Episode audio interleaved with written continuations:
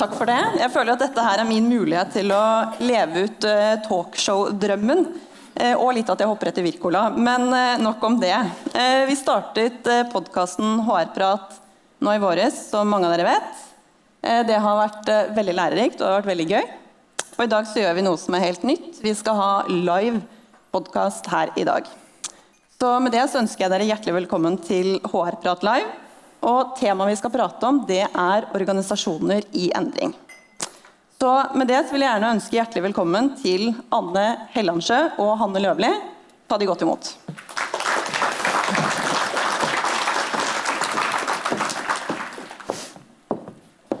Før vi går i gang med temaet, kan ikke dere begynne med å fortelle deltakerne litt om dere selv? Ja, det kan jeg gjøre. Um, det er fantastisk å sitte her, forresten. Dere skulle ha kommet opp og prøvd. Litt av et skue. Um, jeg er kjempeheldig og jobber i dag med sånn historisk begivenhet. Nemlig sammenslåing av eh, tre kommuner, Fett, eh, Sørum og Skedsmo. Eh, samtidig, Der er jeg direktør for organisasjon og, og utvikling. Også i Skedsmo er jeg direktør for personal og organisasjon. Så det er mye å gjøre akkurat nå. Um, det som jeg har jo jobba i mange år, altså Siden jeg starta i arbeidslivet for 32 år siden, så har jeg jobba i lederstillinger i åtte ulike kommuner. Så jeg har mye erfaring med organisasjoner som er i endring, men ikke på den størrelsen som vi snakker om nå. For dette er jo tre organisasjoner som har til sammen 9000 ansatte. Eh, og det, det jo, En kommune er jo kompleks og massiv og stor, sånn at dette er et kjempespennende stykke arbeid. Ja, så vet ikke jeg ellers om det nå, men klart at Når man jobber som leder i over 30 år, så er det for meg blitt mer og mer viktig å fokusere på lederskap. sånn at Jeg er veldig opptatt av hvordan man utøver lederskap. Eh, det med å tenke på form, det å tenke på eh, autonomi, og la ansatte slippe til i forhold til eh, kompetanse og, og eh, selv fått ansvar. Jeg kunne ha snakka lenge om det, men det skal jeg ikke gjøre. Takk. Hanne? Ja. Hei, Hanne Løvli heter jeg. Jobber i Stendig. Um, jeg må vel kanskje si tidligere Aleris, for det er vel kanskje mer kjent enn Stendig-navnet. Uh, jobbet i selskapet i 15 år. Uh, jobbet med HR og ledelse i også kanskje borti 30 år. Da. Mm. Um, Stendig er i dag eh, et selskap med ca. 5000 ansatte i eh, Norge. Eh, er del av et konsern med 26 000 ansatte i Norge, Sverige og Danmark innenfor helse og omsorg. Privat helse og omsorg. Dere har sikkert lest om det i avisene. Om velferdsprofitørene i valgkampen, bl.a. Så det er jo et selskap som er ekstremt spennende å jobbe i, og under ganske mange ulike endringer og press fra ulike hold. Som jeg kan komme litt tilbake til, kanskje. Mm. Ja, men en spennende reise. Jeg begynte som sagt for 15 år siden. Da var det ca. 200 ansatte. Nå er vi 5000, og vi er i hele Norges land. Ja. Takk. Eh, Anne, du var jo allerede litt inne på det. Dere er midt i en kommunesammenslåing. og Hvordan du har tid til å være her, det er jo nesten et spørsmål i seg selv. Men hvordan går dere frem når tre kommuner skal bli til én? Mm. Eh, for det første så er jo den kommunesammenslåinga som vi er en del av, det er en tvangssammenslåing. Det var jo ganske mange kommuner som da var frivillig sammenslått, så vi kom egentlig i gang et halvt år senere. Eh, og så er det jo sånn at eh, Når man blir tvangssammenslått, så kan det, være, kan det også være mye motstand. Men selve organisasjonen har vært veldig veldig profesjonell. Det er mange flinke ansatte som har vært veldig lojale i forhold til hva vi skal få til. Men det er klart at det er mye det er mye fokus på altså, Den motstanden som kanskje fort kan bli, kan mer gå på det som er følelsesnært for den enkelte. og Det går kanskje særlig på frykten for å bli absorbert, kanskje. Mm. For at Skedsmo er noe større enn Født og Sørum, selv om alle tre organisasjoner er veldig store. 9000 ansatte er, er, er, er, massivt i seg selv. Eh, men når vi organiserer opp en sånn sammenslåing, så er det jo veldig viktig å ha selvfølgelig struktur. Um, det som er, og klart Vi har jo laga en prosjektorganisasjon. Vi har rundt 140 prosjekter i en såkalt prosjektportal med samme prosjektmetodikken som er skalerbar. Og noe av vitsen med det er jo at vi er veldig veldig opptatt av innsyn, av åpenhet, så alle kan gå inn og se hva som skjer i alle prosjekt. Man kan stjele informasjon, også sånn stjele, hente ut og låne hvordan har andre jobba med gevinstanalyser osv. Så, og så, videre. så det med åpenhet har vært helt avgjørende for oss. Mm. Eh, og så er det også sånn at eh, i en eh, organisasjons, eller i en fusjon da, eller organisasjonsprosess så kan vi fort bli veldig opptatt av alle formaliteter. ikke sant? Vi kan bli veldig opptatt av. Altså, det er jo tre ting i en, en sammenslåing. Det er altså, hvordan man organiserer seg, strategi, og så er det kultur. Og Det er veldig fort gjort å fokusere altfor mye på opptatt av disse boksene. Hvem skal rapportere til hvem, og hvem hører til hvor. og Linjer og strukturer og systemer. Så er det strategier med alt det overordna. Men det som betyr noe for den ansatte så Nå snakker jeg internt organisasjonen, ikke for innbyggeren. Men internt så er det jo det med kulturen. Hva med meg? sant? Det som er nært, det er kjempeviktig for den enkelte. Så det å fokusere veldig veldig tidlig på kultur har vi jobba en del med. Ja. Og så er det jo sånn at ansattes engasjement, så Vi er helt avhengig av at ansatte er engasjert. Og Det var jo Anders Dysvik fra Handelshøyskolen ute i VG her i var det i går eller forrige som jo sier det. ikke sant, At engasjerte ansatte er gode ansatte. Og engasjerte ansatte har mye lavere stress og mye lavere fravær. Mm. Så det å fokusere på kultur og hvordan få til det, har vært eh, veldig, veldig viktig. Og så bare en liten ting til også, og det at Vi har også eh, satt i gang noe som heter altså Workplace. Det kjenner dere kanskje til, mange her. Eh, det er jo den bedriftsversjonen av Facebook. og noe av grunnen til Det er jo at der, det er jo ny, vår, altså vårt nye intranett. Mm. Hvor da alle går inn og ser og deler. Så vi begynner allerede å minimere terskelen ikke sant? fra avstand fra den ut i linja, som jobber i en barnehage eller en skole, og opp til ledelsen. For vi er jo nesten ja, underkant av 200 lokasjoner i den nye kommunen. Og Det er kjempeviktig å få minimert denne avstanden og ha, og ha en åpen kultur. Og, og starte bl.a. med det. Mm. Mm. Eh, Hanne, dere har jo kanskje hatt litt mer endringer over tid. Dere står jo ikke overfor noen kommunereform, men dere har jo vært gjennom både kjøp og salg og fusjoner. Hvordan har det påvirket deres organisasjon? Ja, eh, Vi pleier å egentlig si at vi er i kontinuerlig endring hele tiden. Eh, vi har kjøpt selskaper, en åtte-ti selskaper. Vi har blitt solgt selv et par ganger til andre aktører. Vi har fusjonert selskaper. Og eh, dette har vi holdt på med hele tiden i alle de 15 årene jeg har jobbet her. Så vi forsøker vel å på en måte eh, jobbe med dette i litt ulike deler av selskapet på ulike måter. Eh, for oss er det viktig å trygge de som jobber med beboerne våre. At de har en forutsigbar hverdag, at de på en måte er i stand til å gjøre den jobben de skal med alle våre beboere. Eh, vi har 450 lokasjoner i hele landet hvor vi har fra én til eh, flere beboere, som jo er vår viktigste eh, Hva skal jeg si, Det er de vi er til for. Så vi har jobbet mye med å skjerme de for de endringene som det er i forhold til å bli kjøpt og solgt og fusjonert. Eh, for det som ofte skjer i de prosessene, er jo at det kanskje er nye økonomisystemer, det er nye andre varianter av IT-systemer.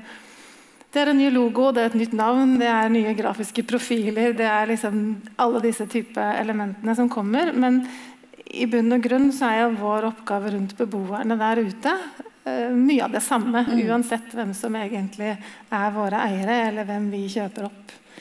Um, så det å trygge de og gjøre den hverdagen så forutsigbar som mulig, og det handler mye om ledelse. At lederne våre er trygge, trygger de som jobber i boligene. Og det er igjen vår jobb som ledelsesstab og støtte, at det er vi som si, tar støyten uh, i disse prosessene. Uh, og, og, skjermer de som, uh, som jobber ute. Um, så er det klart at det å fusjonere og jobbe med disse endringene er krevende, av og til litt brutale. Um, vi må kanskje nedbemanne. Kanskje det er en av grunnene til fusjon og oppkjøp. At man ser at her er det flere funksjoner som gjør at man ikke kan sitte med de samme ressursene på regnskap, lønn, HR, som er mine områder, mm. og andre som man jo da faktisk må gå til nedbemanning. Og det er jo en krevende prosess som jo um, Mm. Eh, mm. eh, mm. eh, berører den enkelte ansatte veldig sterkt, av de som sitter i disse rollene. Og berører den enkelte ansatte veldig sterkt, av de som sitter i disse rollene. Hvor vi forsøker å gjøre den prosessen så ryddig og også så kort som mulig. fordi det vi ser, er at um, det å gå og vente og lure, det er det aller, aller verste. Så det å få en beskjed så raskt som mulig istedenfor at måte, prosessene blir for lange, det har vi sett eh, Selv om det er litt brutalt, så er det faktisk en bedre eh, løsning og beslutning for de fleste enn å mm. Dere snakker jo mye med, holdt på å si, Vi er jo med en gang rett inn i organisasjonen. Eh, men omverdenen har jo en stor interesse både for endringene dere egentlig forteller om, men også kanskje driften eh, til mm. virksomheten deres i seg selv. Eh, hvilken betydning har, har det? Mm. Ja, altså vi altså det viktigste for oss er jo Vi sitter jo på en måte med samme utgangspunkt. Vi er der jo for å serve brukeren der mm. ute. Vi er jo ikke der for å ta vare på det indre livet. Men det er klart at når, kommunen, sånn som hos når disse tre kommunene ble tvangssammenslått, så var det jo også pga. ikke en altså Det var jo frivillige forhandlinger på gang, men det var jo folkeavstemninger, som jo er man kan diskutere om er klokt. ikke sant? Det er veldig følelsesstyrt. Mm. Og hvem er det som stemmer? Og er det de eldste? Er det de unge? Um, og det var ikke så stor oppslutning heller, men resultatet ble jo nei. ikke sant? Sånn at uh, I forhold til de der ute, så er det jo sånn at for de fleste som tar imot en kommunal tjeneste, så vil det jo ikke endre mye på seg. ikke sant? En barnehage er fremdeles en barnehage, en skole er en skole. Så de faste lokasjonene der ute, de består jo. Mm. De som berøres på en måte sånn direkte av de ansatte, det er jo de som er på såkalt ikke stedbundne tjenester, som vi sier på sånn veldig klarspråk. um, men det er jo stort sett administrasjon, da. Uh, men innbyggeren vil ikke merke mye. Men det er klart at det de som er ordentlig interessert i reformen, jo er opptatt av, og de som kanskje er motstandere, det er jo nettopp at det er tre kommuner som slår seg sammen med, eh, med tre ulike økonomier. Og Hva betyr det for meg som innbygger? Vil det berøre tjenestetilbudet mitt? Det vil det jo kanskje gjøre. Vil eh, selv om eh, sykehjemmet eller skolen eller barnehagen består, vil bemanningsnormen endre seg. Mm. Eh, vi skal harmonisere kommunale avgifter. Noen vil få økte avgifter, noen vil få lavere. Eiendomsskatt osv. Men jeg tror nok at det er kjempeviktig. Altså, vi prøver på en måte å framsnakke den kommunesammenslåinga. For det har vært store samfunnsmessige gevinster på sikt. da. Uh, og, og, så er jeg også litt opptatt av at Altså, jeg kan jo godt tenke meg, altså, Vi kunne jo godt hatt et Norge uten kommunegrenser. Men hvorfor skal vi ha måte alle disse kommunene? Altså, jeg liker å bruke ordet også hverdagskommunen min. For hva er det? Altså, jeg kan sette passeren, jeg, jeg bor på Langhus i, i Ski. Setter jeg passeren rundt huset mitt på Langhus i Ski og trekker en sirkel, mm. så er min hverdagskommune Det er jo ikke Ski kommune. ikke sant? Det er litt Ski, det er litt Oppegård og Kolbotn. Det er litt Vinterbro-senteret som ligger Ås, det er litt Oslo. Så det er min hverdagskommune. Og jeg tror at ungdommene våre de bryr seg da katta om kommunegrensa på en måte går her eller der. Ja. ikke sant? Så det er noe med hvordan klarer vi å levere gode kommunale tjenester eh, eh, litt uavhengig også av kommunegrensa. Mm. Eh, og tenk samfunnsøkonomisk og hva som gagner på en måte litt Norge på, i stort da, på sikt. Mm. Hanne, det var eh, spennende et Norge uten kommunegrenser. Ja. det kunne vært en egen hårprat i seg selv. Men Hanne, dere har jo eh, også holdt på å si et eh, forhold til omverdenen. Dere har jo kanskje kan man si, hatt det litt tøft i senere tid nå med valgkamp, og det uten at de skal bli helt politiske her. Men det har jo vært mye fokus på aktører som dere. Hva har det å si for, dere i hverdagen? Nei, det kan du si, altså. Det, det er en virkelighet som har vært litt spesiell. Uh, det må man vel si. Um, når jeg begynte som sagt, for 15 år siden, så hadde jeg vel aldri trodd at, skulle, at jeg skulle jobbe i et selskap som faktisk eh, var så aktuell i både valgdebatter og riksmedia over tid. Mm. Eh, så det har vært veldig spesielt, og det er klart det gjør noe med eh, oss som ledelse og hvordan vi skal på en måte trygge de ansatte i en sånn situasjon. Det å lese om arbeidsplassen sin i riksmedia og høre politikere snakke om velferdsprofitører og på en måte egentlig snakke i en form som gjør at arbeidsplassen blir borte. Eh, det er en krevende situasjon eh, både for den ansatte selvfølgelig, og oss som ledelse å håndtere. Så vi har jobbet mye med å igjen trygge de ansatte på eh, at det vi jobber med, og det de står i i hverdagen, det er det vi skal ha fokus på. Eh, brukerne er der. Eh, mange av brukerne våre leser også avisen. De leser eh, og blir engstelige for om de må flytte. Eh, om de faktisk ikke lenger eh, kanskje har noe sted å bo. Um, så det gjør jo noe med hele uh, hva skal jeg si, både kulturen og atmosfæren i selskapet å lese og høre dette over så lang tid. Uh, og heller ikke kjenne seg igjen i det som blir presentert. Uh, det er jo en annen side av på en måte opplevelsene til medarbeiderne. Men igjen så er det ledelse og det å skape trygghet og på en måte være tydelig på hvem vi er til for. og ja, bruker mye tid ute i alle boliger og alle disse 450 enhetene på eh, at vi fortsatt har våre oppdragsgivere, og at vi fortsatt eh, skal levere de tjenestene vi gjør. Eh, så får man jo se hva politikken til syvende og sist bestemmer seg for. Eh, men at det er krevende, og at det er en situasjon som jo hele tiden fordrer at vi på en måte er i stand til å kontinuerlig endre oss i takt med hva våre medarbeidere og omgivelser eh, ja, både forutsigbart og uforutsigbart mener om oss, for å si det sånn. Mm. Så, men det er jo en endring eh, i organisasjonen vår som plutselig har blitt en del av mediebildet også. Det er klart at Plutselig er det ikke vår interne eh, hva skal jeg si, Vi har mistet litt av styringen da, internt fordi at media eh, styrer eh, både debatten og og mye av ja, hva det vi må ta hensyn til rett og slett, ja. i driften. Og Det sier vel kanskje litt hva omverdenen også mener, altså når deres ansatte er ute si, og forteller kanskje hva slags type arbeidsgiver de har? Ja, um, vi har møtt mange underlige tilbakemeldinger når vi har stilt opp i uh, både ulike seminarer osv. Et kort litt eksempel fra en medarbeider som kom hjem og hadde vært på et seminar hvor man skulle presentere hvor man jobbet. Eh, så gjorde hun jo det, og så sier hun at det er ja, privat helse og omsorg. Og så svarer vedkommende tilbake, og det tør du å si. Og så gikk vedkommende. Mm. Og det er klart det krever ganske mye å på en måte bli møtt på den måten på en arbeidsplass du egentlig er stolt og veldig glad i. Og så har på en måte media klart å skape et sånt bilde. Og det krever jo mye av oss som ledelse å håndtere over så lang tid da, som mm. det har pågått. Ja. ja. Og midt oppi dette her så har dere også eller dere har en rettssak gående som har vært eh, også omtalt i media. Eh, ja. Du trenger kanskje ikke å gå i dybden på den, men Nei. merker dere noe av det i forhold til ansatte og i det daglige i organisasjonen? Ja, altså Hele denne rettssaken var jo utgangspunktet en endring. Fordi at vi ja. hadde veldig mange selvstendig næringsdrivende som vi ønsket å fast ansette. Eh, og det begynte vi med. Uh, så kan man jo selvfølgelig i ettertid si at noe av den prosessen kunne vært gjort annerledes. Mm. Uh, men det endte da med at uh, noen gikk til sak mot oss. og så ble det ikke bare noen, men det ble 24.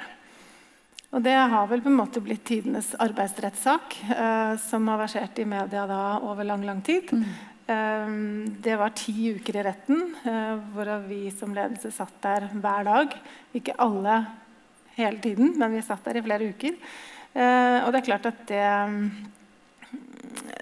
det å håndtere en sånn situasjon, som igjen på en måte styres av media, mm. eh, hvor media gir oss eh, på en måte ikke muligheten eller arbeidsroen, da, fordi at vi hele tiden må svare ut media som ja, jeg skal ikke gå inn på det, men det er en veldig spesiell opplevelse. Ja. Uh, og Det er klart at uh, det var en endringsprosess vi hadde satt i gang, som mm. plutselig egentlig havnet i media sitt søkelys. Ja. Uh, så det er jo en erfaring å ta med seg i forhold til det å stå i endring og det å mm.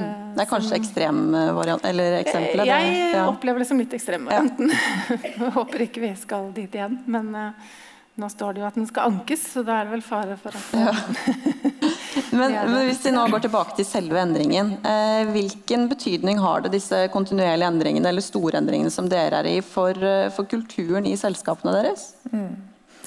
Um, det har stor betydning. altså, disse tre kommunene har jo, har jo, er jo bærere av sin egen kultur. og vi... Vi eh, sier steg, at Det er tre ting som er viktige når du, når du driver med organisasjonsendring. Det er, det, altså organisasjons strukturen, det er det strategiske, så er det kulturen. Det er liksom tre viktige knagger. Og det er veldig mange som ikke fokuserer tidlig nok på kultur. Mm. Eh, og og så er det jo noe med når, når starter kulturbygging. Man kan godt kanskje si at kulturbygginga starta før, mens arbeidet foregikk. for Det var mange som, i disse tre kommunene som synsa mye og trodde mye om hverandre. ikke sant? Og så blir det jo bare, i hvert fall For meg har det vært en sånn helt sånn super opplevelse. Det er jo så mye mye, mye flinke folk. ikke sant? Og så har vi samhandla så lite tidligere. Det er jo et paradoks, egentlig. Mm. Men det er klart, den, altså, kulturbygginga starta kanskje sånn i praksis den dagen det første prosjektet var etablert, og man hilsa på den, altså sånn ene fra den andre kommunen liksom for første gang, da startet kulturbygginga. Men det vi gjorde da, veldig tidlig, det at vi satte i gang et prosjekt. Et gigantisk prosjekt i forhold til kultur- og verdibygging. Eh, hvor vi, hvor vi engasjerte med et eksternt selskap og gjennomførte en så veldig sånn metodisk spørreundersøkelse til alle 9000 ansatte. Og da skulle jeg svare på tre ting. Det første var hvilke verdier er viktige for deg sånn personlig. Hvilke verdier mener du preger din kommune du jobber i i dag, og hvilke verdier ønsker du å ha med deg inn i den nye organisasjonen?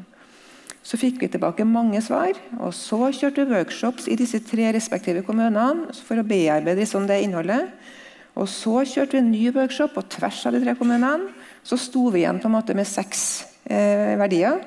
Så tok vi disse seks verdiene med oss og så tok vi og kobla på barn og unge via Barn og unges kommunestyre og elevrådsrepresentanter. Så tok de og fylte disse verdiene med innhold. F.eks. en verdi som het for tillit. da. Mm.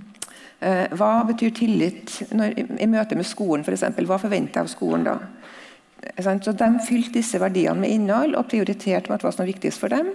Så kjørte vi en workshop med næringsliv og frivillighet og lag og foreninger. på akkurat samme måten.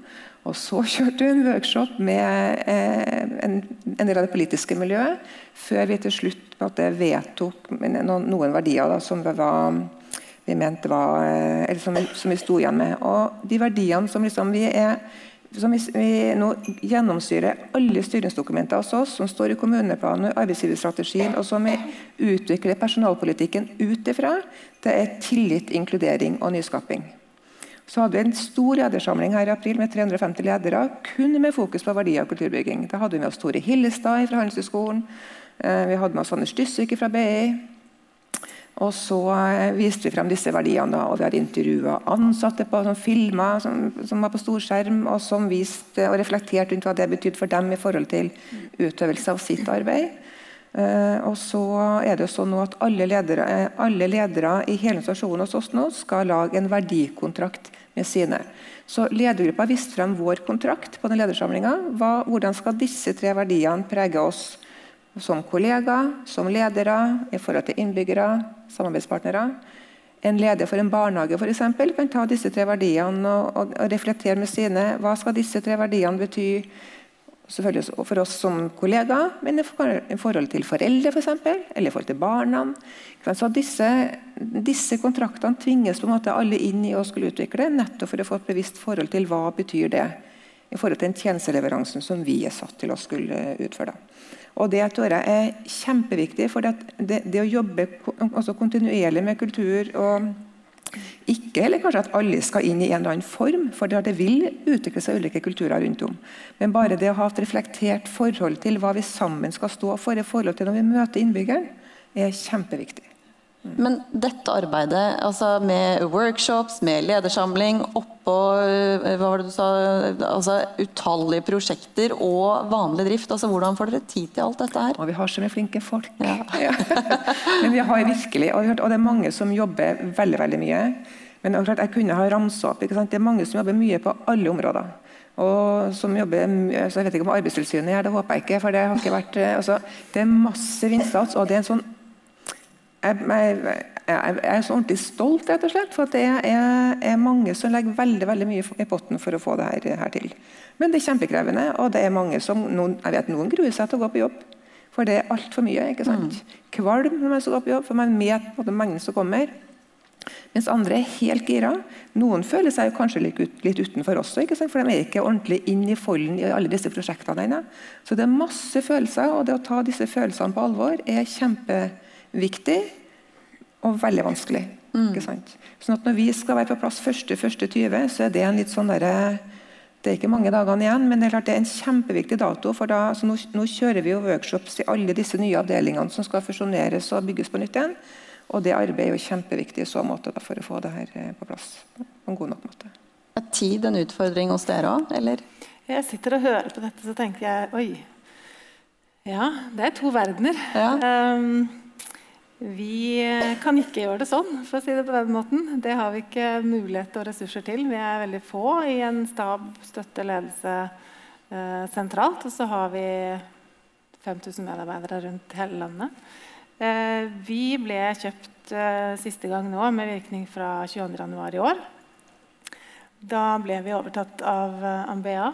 Eh, fantastisk eh, spennende virksomhet i Sverige. Eh, det som skjer hos oss i en tilsvarende prosess, er at de har sine verdier, og de får vi. Ja.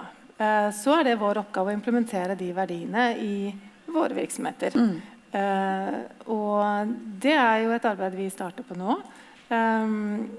Men det blir jo en helt annen variant igjen. Og det handler om at vi opplever at vi ikke har tid. Vi har overlappingsmøter hvor på en måte personalet er til stede. I de møtene må vi bruke den tiden som er der, til å implementere visjon, verdier og den type ting som vi må på en måte nå hva skal jeg si, ta over fra MBA og inn i våre organisasjoner. Um, så vi uh, opplever nok at vi uh, vi har dårlig tid, ja, og vi har ikke ressurser heller til uh, store prosjekter. Um, det er de samme på en måte som drifter som ja, mm. Vi kan ikke leie inn konsulenter, vi har på en måte ikke midler ja. til det. Uh, og det er klart, det er jo også uh, Når vi ble kjøpt, så gikk det ut en pressemelding, og i den pressemeldingen så står det at um, synergieffekten er 30 millioner i Norge. Og hva er det? Jo, det er jo fordi man ser at her kan man gjøre ting enklere ved at man blir en stor organisasjon. Ehm, men det gir ikke midler til en implementering eller ressurser eller tid til det. Ehm, men på den annen side så syns jeg det fungerer godt. Altså, vi mm. får gode tilbakemeldinger fra ansatte som syns det er spennende å komme inn i en ny organisasjon. Det er masse muligheter. Det er andre måter å gjøre ting på. Ehm, mye å lære. Så det, det er jo den vinklingen vi tar inn i sånne prosesser. Mm. Men, men det, det, utgangspunktet du er litt inne på, hvordan sikrer dere at dere klarer å involvere de ansatte når det er litt sånn her har dere et rammeverk, vær så god, implementer? Det er igjen lederne, da. Ja. de stakkars lederne rundt omkring som Eh, som jo må gjøre den jobben. Eh, sånn at vi starter jo med ledergruppe opp mot konsern. Og så eh, har vi jo vår regionlederstruktur, og så har vi avdelingsledere. Så det liksom blir en sånn trapp ned til hver enkelt avdelingsleder, som da har ansvar i sine boliger. Eh, så det er jo ledelse alt egentlig handler om. Det har jo du også egentlig vært veldig tydelig inne på, at det er, eh, det er ledelse. Og det med kultur, altså Vi opplever jo ofte at vi tenker at vi har lik kultur med de selskapene vi fusjonerer, men så viser det seg til syvende og sist at det har man jo kanskje ikke allikevel. Den er ganske lik, men mm. allikevel så er det ting som må endres og justeres og implementeres. Så ja. Kan jeg få supplere noe? For jeg, jeg tenker Det du sier er kjempeviktig. for det er noe med, Egentlig så kan man også godt si at all, altså all denne jobbinga med verdiene den kan også virke ganske perifer ikke sant, for veldig mange. Hva, hva skal vi med det? For det som, det som er når du snakker med de ansatte, da, så er det litt sånn som du sier, hva er det som er viktig? Jo, det er det som er nære. Mm. Ikke sant? Hvis du spør også de ansatte i disse tre kommunene hva er det som er viktig for deg, jo, det er tre ting. Det er hva blir oppgavene mine? Hvem blir sjefen min? Hvor skal jeg bli lokalisert? Mm. Ikke sant? Det er det nære, det er det som betyr noe, og som er det viktigste. Så kan også verdiene sånn sett bli litt sånn langt der ute et sted. ikke sant? For det er mm. det som er viktigst nå. Og så er det også sånn at Alle disse lederne også som jobber eh, masse, alle ansatte jobber masse, så kan vi så innmari fort glemme alt det som altså Glem det, det daglige lederskapet. Da. Altså det som, og Nå er det i hvert fall viktig. Nå er nettopp det å ta en fot i bakken, ha medarbeidersamtalen, ha arbeidsmiljøprosesser, altså ha disse prosessene som som gjør liksom at vi må, vi må, ikke glemme på en måte at vi skal utøve lederskap fremdeles, og ikke bare haste av gårde i forhold til all endring. For Det er liksom noen ting med at det står to ord i panna på oss alle. Det står det i panna di, i panna mi, og din, og hos kjæresten min og barna mine. Og, og hva står det i panna, i, i panna hos oss? Det står to ord, og det står 'se meg'. står det, ikke sant? Og lederskap det handler jo nettopp om det. Så vanskelig, men så enkelt. Og det må vi heller ikke glemme i forhold til alle disse store prosessene og alt som skal skje og alt som skal gå så fort. Mm. Så det å evne da, midt oppi det her og, og, alt som skal gjøres, å ta en fot i bakken og evne å se den enkelte og, og holde liksom fokus på det nære, tror jeg er kjempeviktig. Ja. Du tar meg egentlig nesten rett inn i neste spørsmål, men før jeg tar uh, før, Snart skal vi åpne opp for spørsmål fra alle i publikum. Eh, og så Nå er det bare egentlig å begynne å sende inn en liten påminnelse til dere. Eh, men har dere noen tanker om hvordan ledere best kan støttes eh, gjennom sånne type endringer som vi er inne på nå? Vi? Vi ser om du kikker på? Ja. Skal jeg starte? Altså, jeg tenker det handler om uh, igjen tilstedeværende ledelse til lederne. Altså, lederne må være trygge, de må ha informasjon, de må vite hvor de kan få informasjon. De må føle at hva skal jeg si, lederleddet over er tilgjengelig, støttende. Um, ja, det handler om å gjøre de trygge. Er de mm. trygge og på en måte mestrer hverdagen, så, mm.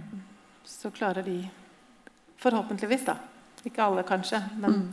den jobben de er satt til. Um, men de må oppleve en slags plattform, de også, som de er trygge på og står på. Um, så takler de det.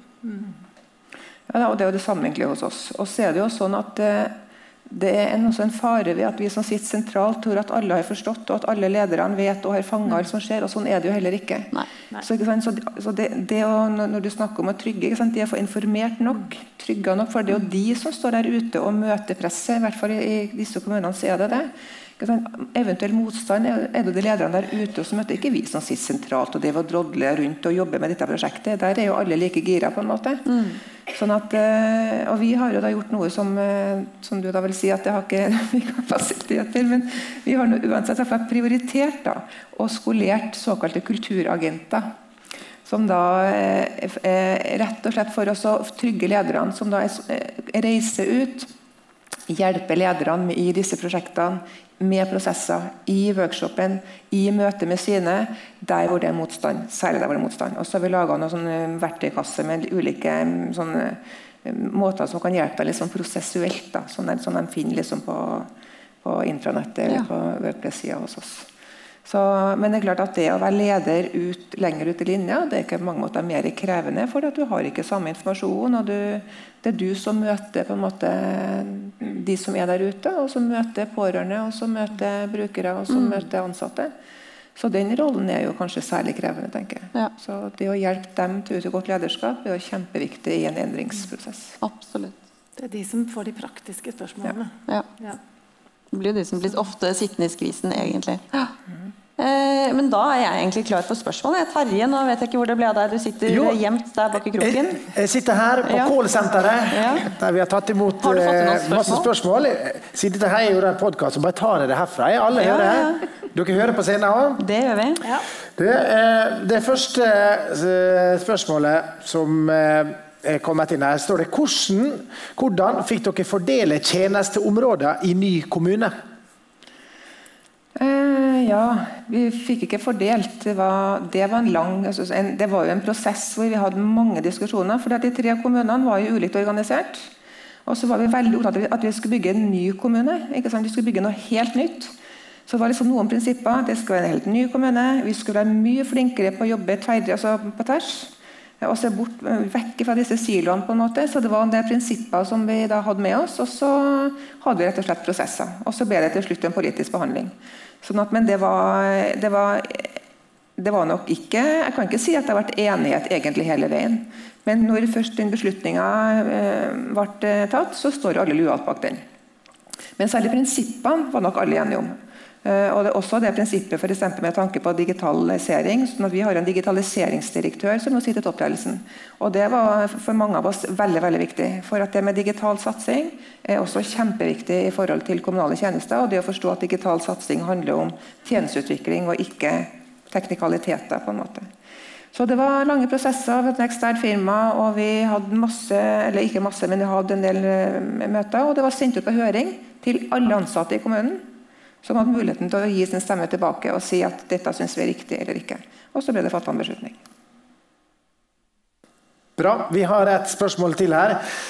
Eh, mange kan nok kjenne seg igjen i at man har litt forutinntatte betraktninger om hvordan organisasjonen vil håndtere endringer, både i positiv og negativ forstand. Hva vil dere si er de største overraskelsene så langt? I forhold til, jeg må bare for å skjønne spørsmål, Overraskelse i forhold til hva som skjer rundt i en endringsprosess? egentlig, er det det du sier? Ja, både i positiv og negativ forstand. Der, ja. Det kjennes ikke ut som et veldig enkelt spørsmål, men uh, overraskelser i endringsprosesser altså,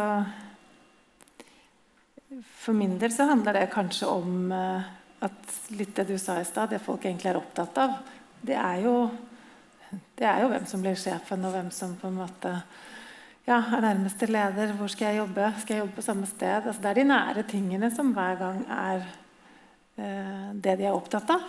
Um, og så er det jo hvordan vi mestrer det på godt og vondt. Da. Mm. Men uh, ja, ja, For meg så tror jeg faktisk at det er, eller, at det er den um, litt sånn overraskende ikke, eh, Lojalitet blir kanskje feil men den overraskende massive innsatsen. Også folk jobber har sikkert ikke lov her å sitte på scenen og se rumpa av seg, men altså, de, det er en sånn massiv innsats. Altså, det er en, eh, og folk vil, er veldig opptatt av å få den nye organisasjonen på plass. Eh, og Det er veldig sånn, ja, det er imponerende å se, og det er kanskje litt sånn overraskende imponerende å se, fordi at innsatsen er så massiv. på en måte. Ehm, mens negativt så tror jeg kanskje aldri man kan være forberedt på eh, den motstanden som kommer, eller eh, de enkeltpersonene som er bærere av motstand, og hvor mye plass det faktisk får, og hvor mye det, preger en prosess. da. For Vi har jo hatt flere sånne situasjoner som har vært ganske ødeleggende. Og selv om vi kjører masse prosjekter prosesser og driver lederstøtte og i det hele tatt, veiledere for hvordan jobbe i prosjekt for å få god kultur, og, ja, sånn, mm. så er det noe med at disse enkeltpersonene som kan være bærere av en negativitet, eller ikke vil, eller vil at store skismer og helst skal spise de to andre og sånn, sånn ikke sant? At det å vise størst som skal bestemme, og sånn, den, det har vært krevende. Og overraskende krevende. for det ja, fordi at de er bærere av en kultur, og det handler om en holdningsendring som de må, vi, må få dem med på. Du må, if you can beat them, join them, på en måte, så Vi må få dem inn i folden, og det har vært, jeg, vært krevende. Mm. Siste spørsmål, Terje. Ja. Hva er det aller viktigste for å få folk med på endringene? Og der mener jeg i hvert fall. Tydelig spørsmål, men kanskje ikke noe enkelt å svare på akkurat det? Hvis jeg, ja, ja, start. Ja, okay. Eh, nei, altså, jeg tror at det handler igjen om, om autonomi. For meg så handler altså, autonomi det handler om det å bruke talentene for å bruke kompetansen sin og slippe til. Engasjerte ansatte. Hvis, du, hvis du har fokus på autonomi, og du er god på form og du ser ansatte For meg så er det hele essensen i lederskap og det er hele essensen i endring. Sånn at det, lov, eh, det, at ansatte får lov til å ta ansvaret, har vært, eh, vært eh, gull og viktig i hvert fall i prosessen som vi har stått i. Så autonomi er et veldig viktig begrep for meg. Jeg tenker mye av det samme, og det er jo det jeg prøvde å formidle litt i stad også, med å jeg si, trygge de som jobber ute med beboerne. Fordi jeg har autonome hverdager i det de gjør der. De, det er der de gjør jobben sin, og det er det vi skal fokusere på. Eh, og at de på en måte mm, får lov til å si, fortsette det gode arbeidet de gjør der, eh, og trygge de på det, selv om vi heter nå Stendig og eies av Ambea, eller hva vi nå eh, heter og blir etter hvert, og hva vi har vært. så tenker jeg liksom, det er, de, det er, det de opplever i hverdagen, det er det de er trygge på, og det er det de har kompetanse på. Det må vi på en måte la de fortsette å, å jobbe med og, og, ta riktige og gode beslutninger rundt brukerne. Eh, og så er det som jeg sa også i sted, vår oppgave å ta de andre endringene som går på system og mm. andre type ja, infrastruktur og alt dette som er det nye. Mm. Mm. Før vi runder av, så ønsker jeg gjerne at vi skal spole litt tilbake til teknologi, som vi har snakket mye om her i dag. Eh, for Ofte så snakker vi om at teknologi enten kan skape en endring, eller så kan det brukes eh, som et verktøy i endring. Eh, har dere noen eksempler på hvordan dere bruker teknologi som et verktøy i deres organisasjoner? Mm. Eh, vi har i hvert fall, altså det at vi, vi i Reformen hos oss har starta med, med, med, Workplace. Da, Ett sted hvor alle møtes, fordi at vi satt i tre, vi lokaliserte forskjellig. Vi, det var en veldig, veldig viktig premiss. Og så er Vi jo sånn, altså vi er jo ut nå med 50 nye digitale løsninger. Vi bygger veldig mye på nytt. Eh, vi har jo til sammen 120 digitale løsninger rundt der. Eh, og alt 9000 ansatte skal læres opp i alle disse nye digitale løsningene. sånn at Vi har jo nå eh, starta som første kommune med spillbasert opplæring. Altså, vi har gått i samarbeid med, med selskapet for Atensi. Sånn at, sånn når, dere sitter, når vi sitter og spiller på mobilen sant, med Angry Bird, og det plinger 100 poeng og medaljer og sånn, sånn har vi, eh, har vi utvikla i forhold til f.eks. For Gerica, som er turnussystem. Og hvor vi etter vi lanserte 12.8, så har vi hatt 1400 gjennomspillinger per dag. For dette er rett og slett bare en veldig gøy måte å lære på. Mm. Og da lærer man seg arbeidsprosessen. Så spiller seg gjennom arbeidsprosessen i Gerica, rett og slett. Uh, og Det er jo også en effektiv måte å jobbe på i forhold til alle disse tusen som skal ha opplæring. Og Nå lanserer vi tilsvarende spill i forhold til verdier og fakta om kommunen. Så lanserer vi et tilsvarende spill nå i desember i forhold til Public 360s nettsakarkivsystem. Vi starter med en HR-chatbot eh, for å hjelpe lederne og ansatte nå som vi har gått innkjøp av, med både personal, eh, håndboka til KS, og så har vi en lokal, masse lokale greier. Og så integrerer vi dem, sånn at de ansatte og lederne kan liksom chatte med ja, skal vi kalle HR-chatboten for Ande, da, f.eks.? Altså, eh, chatte oss og stille spørsmål ikke sant? og få svar på alt istedenfor å slå opp i bøker eller gå på reglementet på nettet. Eller, mm. ja. Og så håper vi etter hvert at vi også får, uh, får integrert den mot f.eks. Visma Enterprise ja. ikke sant? og lønnssystemet, sånn at de ansatte kan søke og spørre om hvor mange feriedager har jeg igjen. For eksempel. Hva er status på fraværet mitt? Mm. Sånn at Vi prøver å være litt ut der og ha litt sånne, se litt inn i glasskula for å gjøre hverdagen enklere både for lederen og den ansatte. Så Det er to eksempler. Mm. Hvert fall. Ja. ja, vi har også Tensi, så det er jo spennende. Vi har det på miljøpersonalet vårt. Um, men uh, vi har jobbet mye også med flyt og papirløst. Både lønnskontor og HR-kontor. Eh, vi har jobbet med digitalisering innenfor alle disse litt mer sånn standard administrative rutinene. Mm. Um, vi jobber jo innen helse og omsorg, og det er jo mye snakk om velferdsteknologi. Uh, og det er jo spennende, men fortsatt er det menneskene som er mest, hva skal jeg si, som vi er mest avhengige av rundt det å yte god omsorg. Eh, men som sagt på alle administrative deler så har vi forsøkt og er vel nå test også på denne e-signaturløsningen til Visma. Som vi snart vel Nå tror jeg vi har testet den og er kommet igjennom, så det er bra. Der har det vært mye rundt både virksomhetssertifikater og andre ting, ja. men nå sist uke så fikk vi det til. Så det er bra. Det gleder vi oss veldig til å få ordentlig i gang. Eh, når det gjelder eh, velferdsteknologi for øvrig, så har vi jo testet mye rart. Eh, Bl.a. spiseroboter. Det er jo en interessant eh, sak. Hvor man tenkte at eh, istedenfor at de eldre fikk hjelp av vårt personal, så kunne de på en måte oppleve mer, være mer selvhjulpne ved å få en robot å spise sammen med seg. Okay. Det er jo en interessant opplevelse. Vi hadde en tidligere leder som var veldig for dette, så vi prøvde å forklare at det var ikke så lett egentlig i praksis. Så hun fikk den spiseroboten på julebordet og skulle innta julemiddagen med spiserobot. Og det klarte hun rett og slett ikke. Så å få da demente og syke eldre til å klare det, det det fikk vi ikke til. Ja, det er et stykke igjen. Så det er et stykke igjen. Så man kan si mye om digitalisering, men eh, det er fortsatt mye mennesker som må, må til. Mm. Ja. Mm. Jeg tror Med det så er vi nødt til å runde av. og vet at vi er litt på overtid. Så jeg vil bare si hjertelig tusen takk til dere to for at dere stilte opp. Og til alle i salen, tusen takk for at dere var med på første HR-prat live. Ja. Veldig bra. Og så har jeg også fått den store gleden av å gi dere hvert dere gavekort for at dere stilte opp eh, på dette her. Ja, jeg tar klemmen. Det er ikke jeg som ordner gavekortene, men jeg bare gir dem ut.